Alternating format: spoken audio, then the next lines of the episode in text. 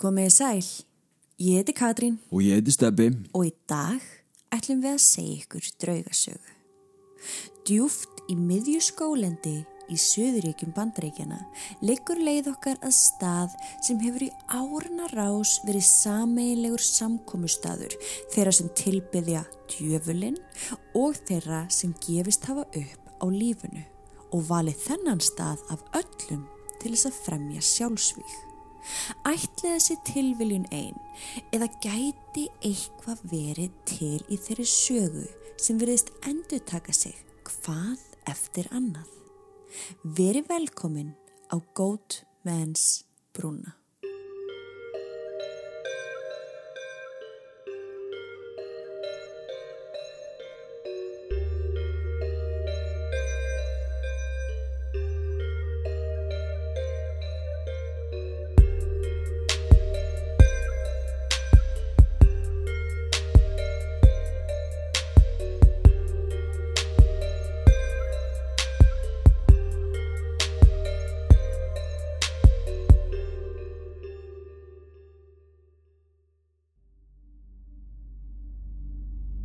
Staðsett á milli bæjana Denton og Copper Canyon í Texas liggur fyrirferða mikil gömul brú. Og stefið þú kannski lýsir henni aðeins fyrir hlustendum annars setjum við að sjálfsögum myndafinni inn á draugasögu.com Já, þetta er svona, hún er riðguð og gömul og það er svona eins og að hafi verið á einhverjum tímapunkti eins konar lastateinar en ég er í rauninni bara plankar þvert yfir til þess að auðvelda hestafólki og, og vögnum og slíku yfir brúna.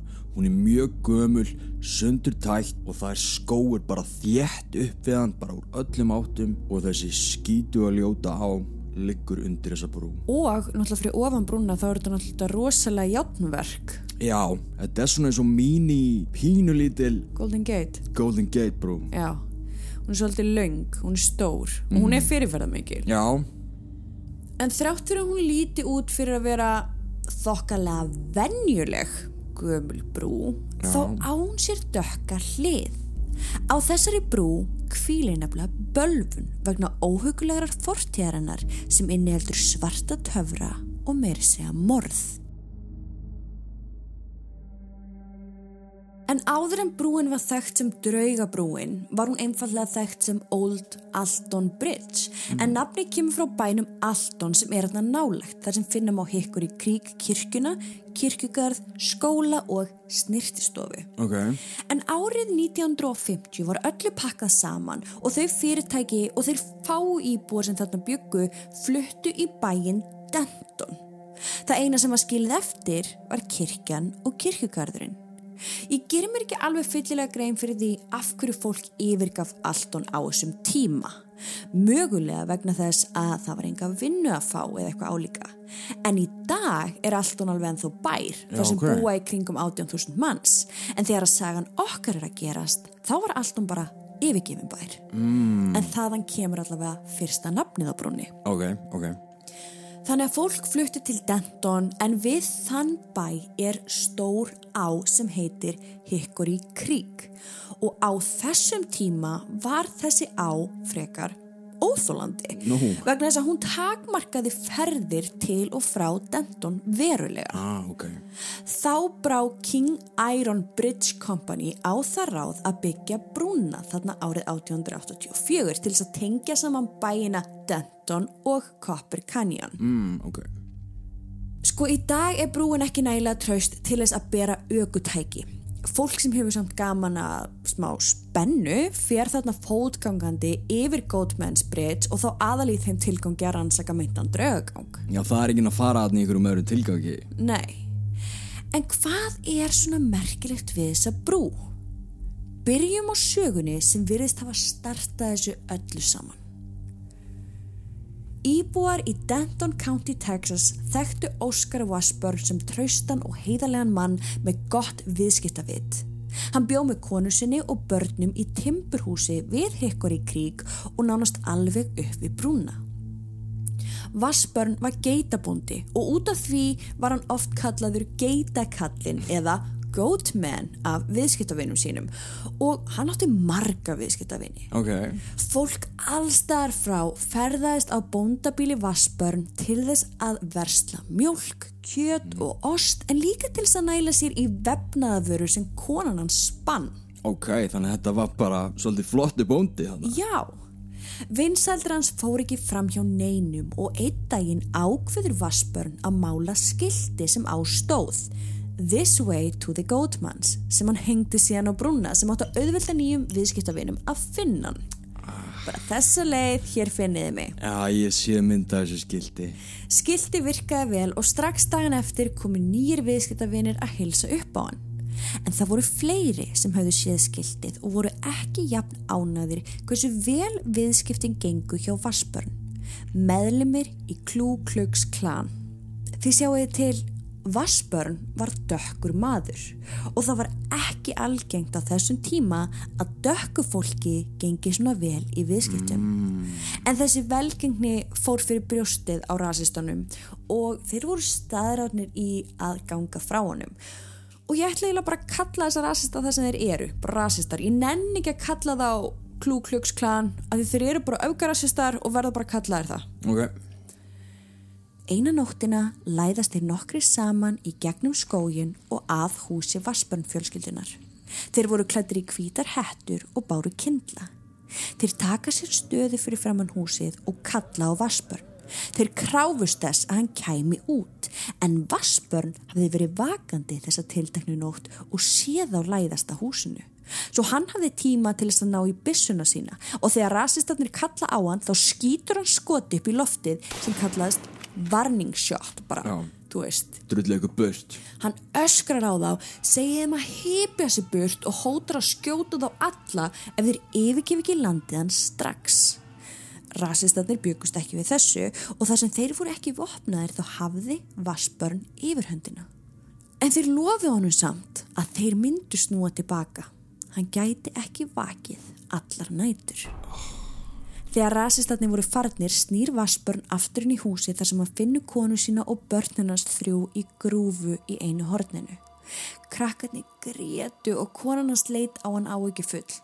Þeir eru farnir, sagði Vassbörn. Ég hrætti þá með því að skjóta á byssunni. Konunast lítur á hann með tárin í augunum. Ef þeir snúa tilbaka, þá munu þeir drepa okkur. Við verðum að forða okkur burt. Og þá segir Vassbörn þessa frægu setningu sem fólk hefur heyrt á brúni til dagsins í dag. Ok. Þetta er heimilið okkar og ég sver til guðus að engin djöfull mun geta hrakið mig burt hérna. Wow. Ok. Dagarnir liðu og þótt að atviki væri alls ekki glemt þá hjælt lífið áfram sinn vana gang nema viðskiptin fór að dala.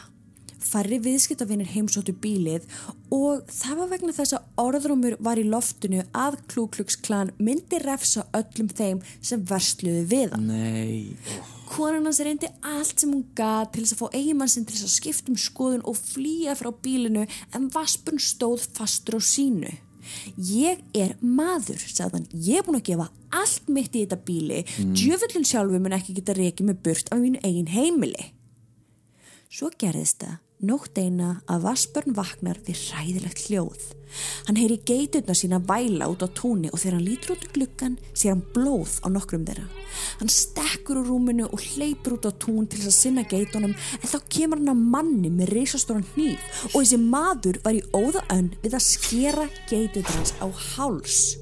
Hann öskrar á hann svarklæta mann sem tekur þá eftir Vaspörn og hleypur þá í burtu. Vaspun var svo reyður þannig að hann hleypur á eftir manninum að brúnni en þegar hann var komin alveg aðinni sér hann að hættu klættu rasistaðnir voru búin að umkringja hann. Þá átti hann sig á að hann hafi hlaupið beint í fangi á þeim. Þetta hafi allt verið planað.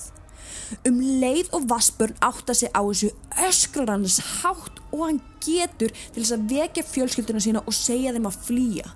Hann reyndi að hlaupa burt en þeir voru allstaðar í kringum hann. Þeir réðust að honum, börðanir í jörðina og bundu snöru utan um hálsun á honum. Vaspurn barðist eins og andsettum maður, hann sparkaði, kíldi og hjælt áfram að öskra til fjölskyldu sínar en svo var snaran hert sem gerði honum erfitt fyrir með andadrátt. Þeir lift honum upp frá jörðu, báran að brúnni og köstuð honum yfir. Hann dó samstundis. Þegar klani var búið að ganga úr skugga um að hann væri látin snýru þeir tilbaka að húsinans. Þeir umkringdu þá og kveiktu svo í því með kindlunum. Þeir fyldust með konunu og börnum hennar brenna til dauða og öskren sem heyrðust þetta kvöld ekkoa enn þann dag í dag um skógin. Kæru hlustendur, það er komin tími til að Draugasögu podcast gefi af sér til málefna sem eru okkur mikilvæg. Í þessu mánuði höfum við styrt fjölskyldu Mikael Starra og komum til með að gera það áfram. Eftirfarandi upplýsingum er búið að dreifa á samfélagsmiðlum síðustu daga. Mikael Darri veikist í kringum 8 mánuða aldur og greinist síðan í framaldi með alvarlegt AML kvítblæði á samt ægsli við heila, mænu og andlit rétt fyrir einsás amalið sitt. Hún var haldið sofandi í öndunarvél á gjörgjæslu í mánuð og fór í mjög harða livjameðferð inn á spítala í sjö mánuði. Í september á síðasta ári greinist Mikael Darri með hærisk illkynja krabbamein í munvatskirlinum sem hefur drift sér í eitil og mögulega lungu. Baráttan hefur tekið mikið á lítinn kropp og í miðjum heimsfaraldri þurftu foreldrar hans að rjúka meðan til Boston í fimm tíma aðgerð til að fjarlæga munvatskirtilin og eitil. Mikael Darri hefur verið ótrúlega sterkur og má segja að hann sé í raun algjörst kraftaverka barn miða við allt það sem hann hefur þurft að ganga í gegnum á sinni stuttu æfi. En baráttunni er hvergi lokið þar sem Mikael Darri er búin að vera í geyslum og svæfingu á hverjum degi í desember og janúar vegna illkynna krabbamenns og nú er sýstrans sunna líf komin í rannsóknir vegna hnúðs sem fannst í skeifugörninni og mikil veikindi síðustu vikur. Óvissan er því mikil með bæði börnin. Nú á meðan Líf og Magnús foreldra þeirra standa í þessu krefjandi verkefni og þessari miklu óvissu með framtíðina hefur verið stopnaður styrtareikningur á nafni Lífar. Eins og við sögðum áðan, Draugasögu podcast mun halda áfram að styrkja þau næstu mánuði með peningaframlegum og við hvetjum ykkur hlustendur að gera það sama. Margt smátt gerir eitt stórt á vel við núna. Ef þúsund manns legginn þúsund krónur þá eru við komið miljón. Ef að tvö þúsund manns legginn þúsund krónur eru komna tvær. Saman getum við hjálpa þeim svo mikið. Reikningsnúmerið er 536 höfubók 26 8389. Kennitalan er 1303 84 83 89. Hjálpum Mikael Dara og fjölskyldu hans í þessu erfiða verkefni.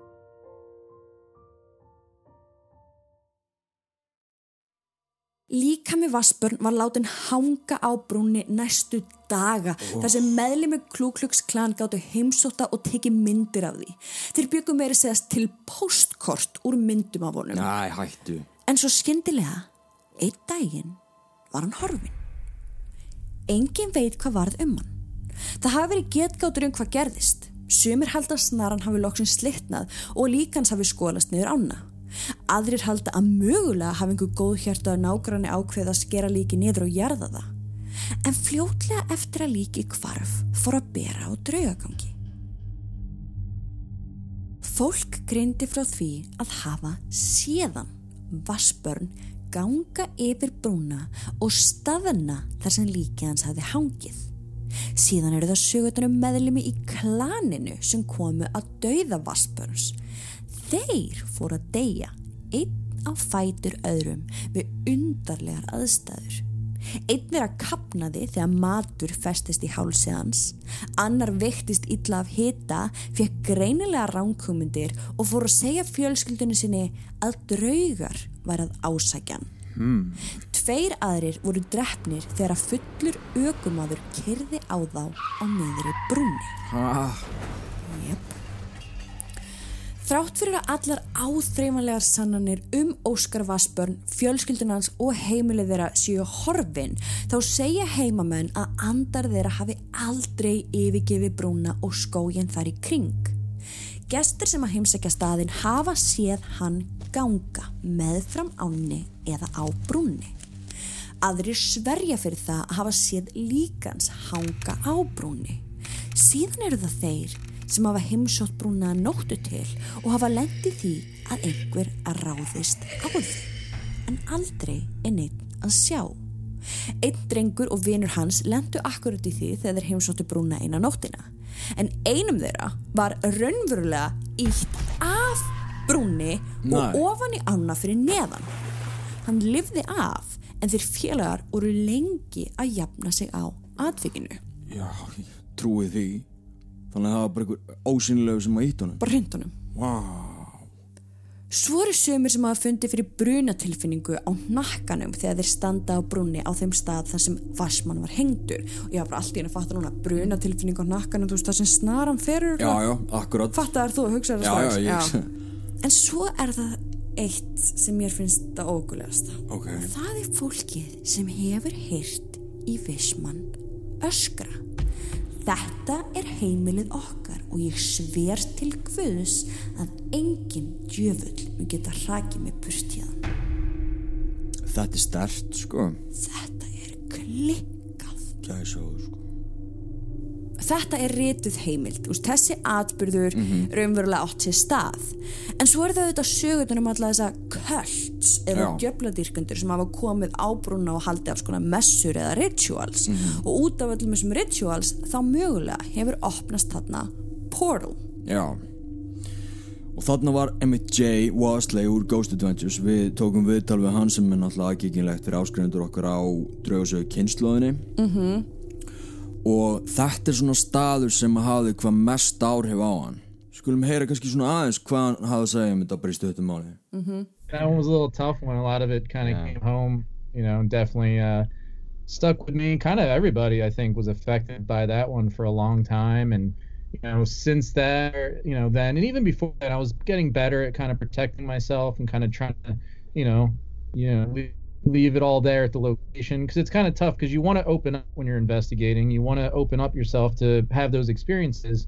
But then sometimes if you open up too much, then things can latch on and bring it home with you you know my my ex-wife at the time was uh well, i guess she's my ex-wife now at the time she was my wife uh you know she was affected badly there and you know i saw what she went through and you know she went through hell and En hann segir að þú veist þetta að þessi staður sé 90% ábyrgur fyrir sko skilnaði hans og Ashley sem að var þarna með honum á þessum stað. Þar sem að hann var einmitt með rituals undir brúnni. Hann var sjálfur með einhvern gjörning sem að var mjög ólíkt honum sko. Og já þetta, þetta var alveg átökanlegt sko. Bæði að horfa á þetta og náttúrulega bara vita af því sem að fór fram og bara því sem kom fyrir konuna sanna, bara á þessari hvað brú. var aftur sem gerist fyrir hana? það var ráðist á hana og hún upplifið eitthvað bara svona half possession. Já, þetta var, þetta var ljótt sko. En fólk er sem sagt bara að koma að því reglulega að þau eru að sjá bara dýrafórnir. Og þau segja mitt bara þetta er svona dýr sem að ekkert annað dýr hefði getað tekið að lífi. Þetta var svona bara haus sem var búið að fláa af. Ég skil. eða þú veist raðað eitthvað skringilega. Þannig að það er greinlega dýrafórnir enn þann dag í dag og þá kannski getum við aðeins komið að skeppnunni sjálfri já, skeppnunni sem svo margir hafa séð á brúnni og í skóginum í kring. Hálfur maður og hálf geit. Þessi skeppna ávist að vera búin að egna sér brúna og áður en þið ránkvolfið augunum og hugsið ok, þið eru komin í rugglið, býðið þá aðeins hægt. já Muniði, við höfum farið rækilega yfir djöfulega verur og djöfla. Við tókum til dæmis heilan þátt um það fyrir draugasögu kynnslóðina. Já, það sem við fórum bara ítarlega í þennan málaflokk Akkurat. Nákvæmlega. En í þeim fræðum er það mjög vel þekkt að djöfullin hann getur aldrei hermt nákvæmlega eftir neinu. Jú, hann getur vissulega sett sig í alls konar líki en það er alltaf eitthvað frávik. Svona verur sem eru hálft X og hálft E eða þú veist, Já, já, eru vel þekkt út um allan heim. já, já, já. Allt og mikið af fólki hefur séð svona verur svo það er erfitt að þræta fyrir tilvist þeirra þó að sjálfsögum margir reyni það. Já, já. En út af því að við þekkjum hvernig djöfullin hæða sér og við þekkjum fræðin í kringum hann, þá vitum við að þetta er alls ekkert svo vittlust. Nei, nei. Þannig að hálfu maður og hálf geit er alveg klálega möguleiki. Já, og geitin er eiginlega svona það dýr sem tengist hvað mest djöflinum. Af því að það er þessi hotn og það er þetta langa andlit en þessi tilviljum finnst mér alveg bara rosaleg sko. Þa, það er eitt það bara að, að djöfullin sé þarna eða eitthvað djöfulegt afl -hmm. eins og við hefum farið djúft ofan í en þessi maður, þessi bóndakar Wasborn, Já, þú veist, þú veist er hann orðin, Er hann orðin vondur? Er hann að hefna fyrir döðan sinn? Eða er þetta actually bara djöfullin eða djöfuleg vera sem er búið að sjá fyrir öllum þessu hatri og, -hmm. og kannski er hann bara lengur skilur. þessi skeppna hefur sérst standa á brúni, nánast eins og hún sé að reyna vandana og skógin á bakvið. Á sama tíma og skeppnan sérst þá heyrist hávært bank koma frá brúni og sumir hafa heyrt hávært urr eða kvæs sem verðist koma frá skeppnunni sjálfri. Vitni sverja fyrir það að þessi skeppna sé raunveruleg og að hún sé með rauð glóandi augu. Aðrir haldaði fram að þeir hafi heyrt hátt væl áður en djúbrödd skipar fólki að fara burtu. Já, þannig erum við aftur komið með einkenni sem að er tengt djöfulegum verum og það er þessi rauðklóðandi augu. Já, akkurat, einmitt. En Góðmann er ekki einn á ferli því margir gestur hafa komið auga á konu sem virðist svífa meðfram áni og yfir brúna, sindum kvöld og næturna. Þessi kona er greinilega að leita einhverju og röddanar hefur heyrst ofurlátt eins og hún sé að kalla eitthvað nafn. Gæti þetta verið eiginkona hans að leita börnunum sínu sem brunnu inni með henni?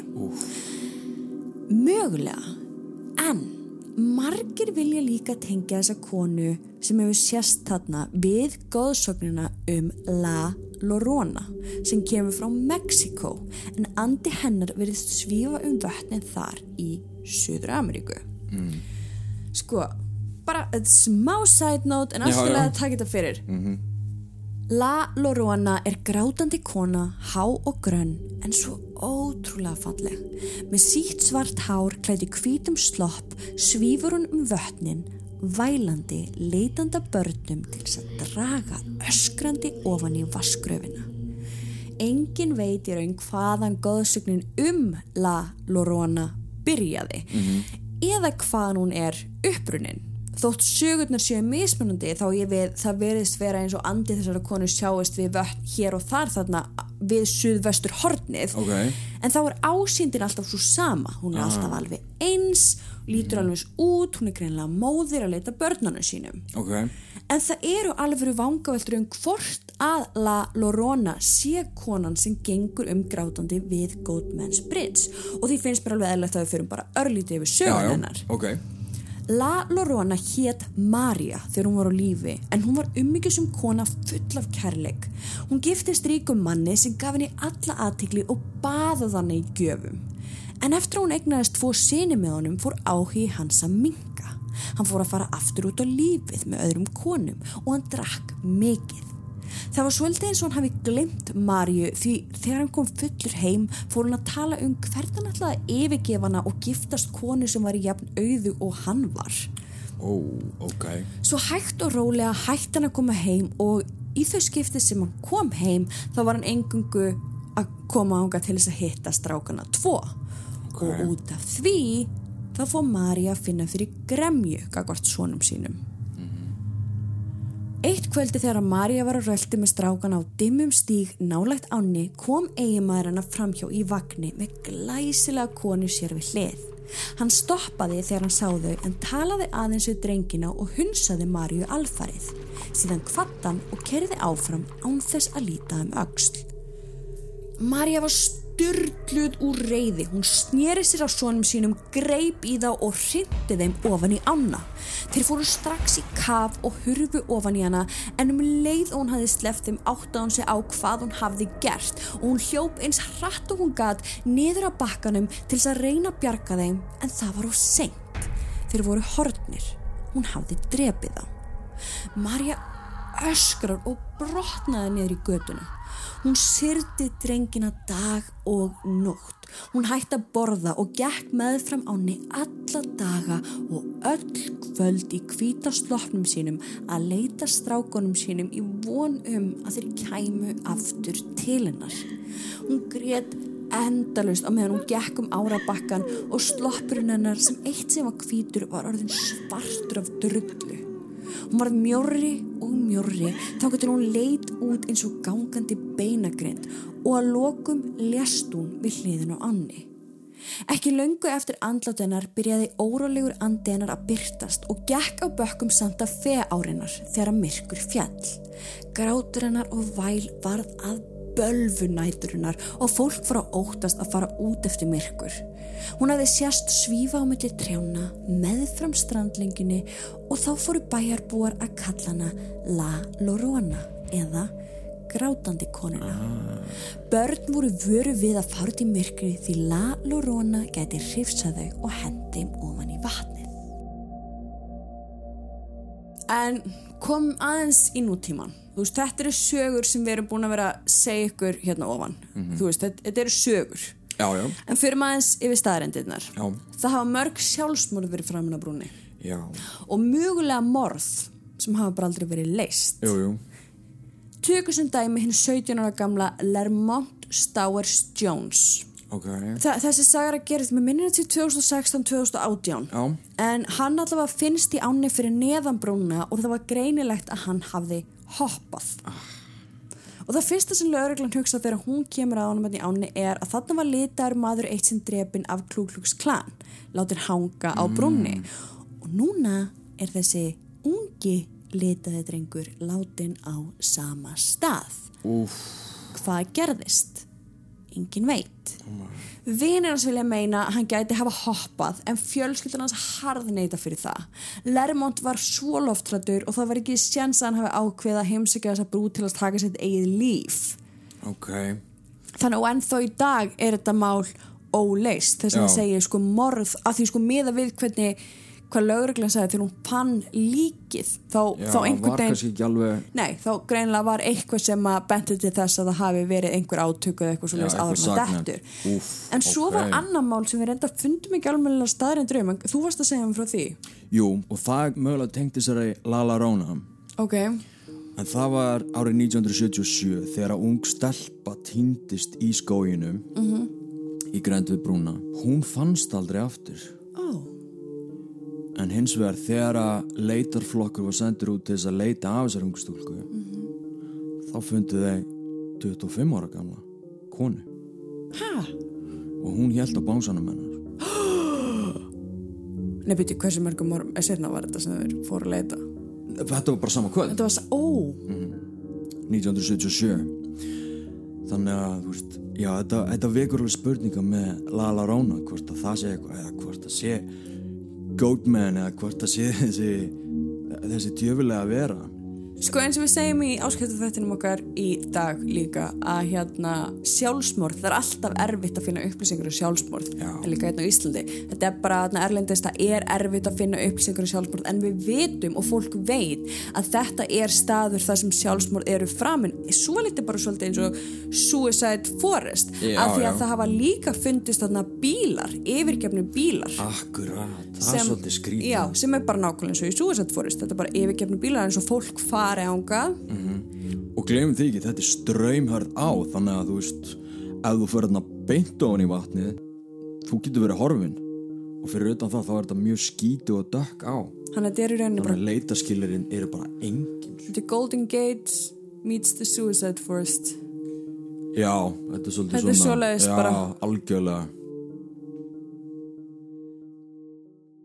Hvort sem við trúum því sem fólk hefur upplifað á og í grendu brúna eða ekki, þá breytir það ekki staðrendum.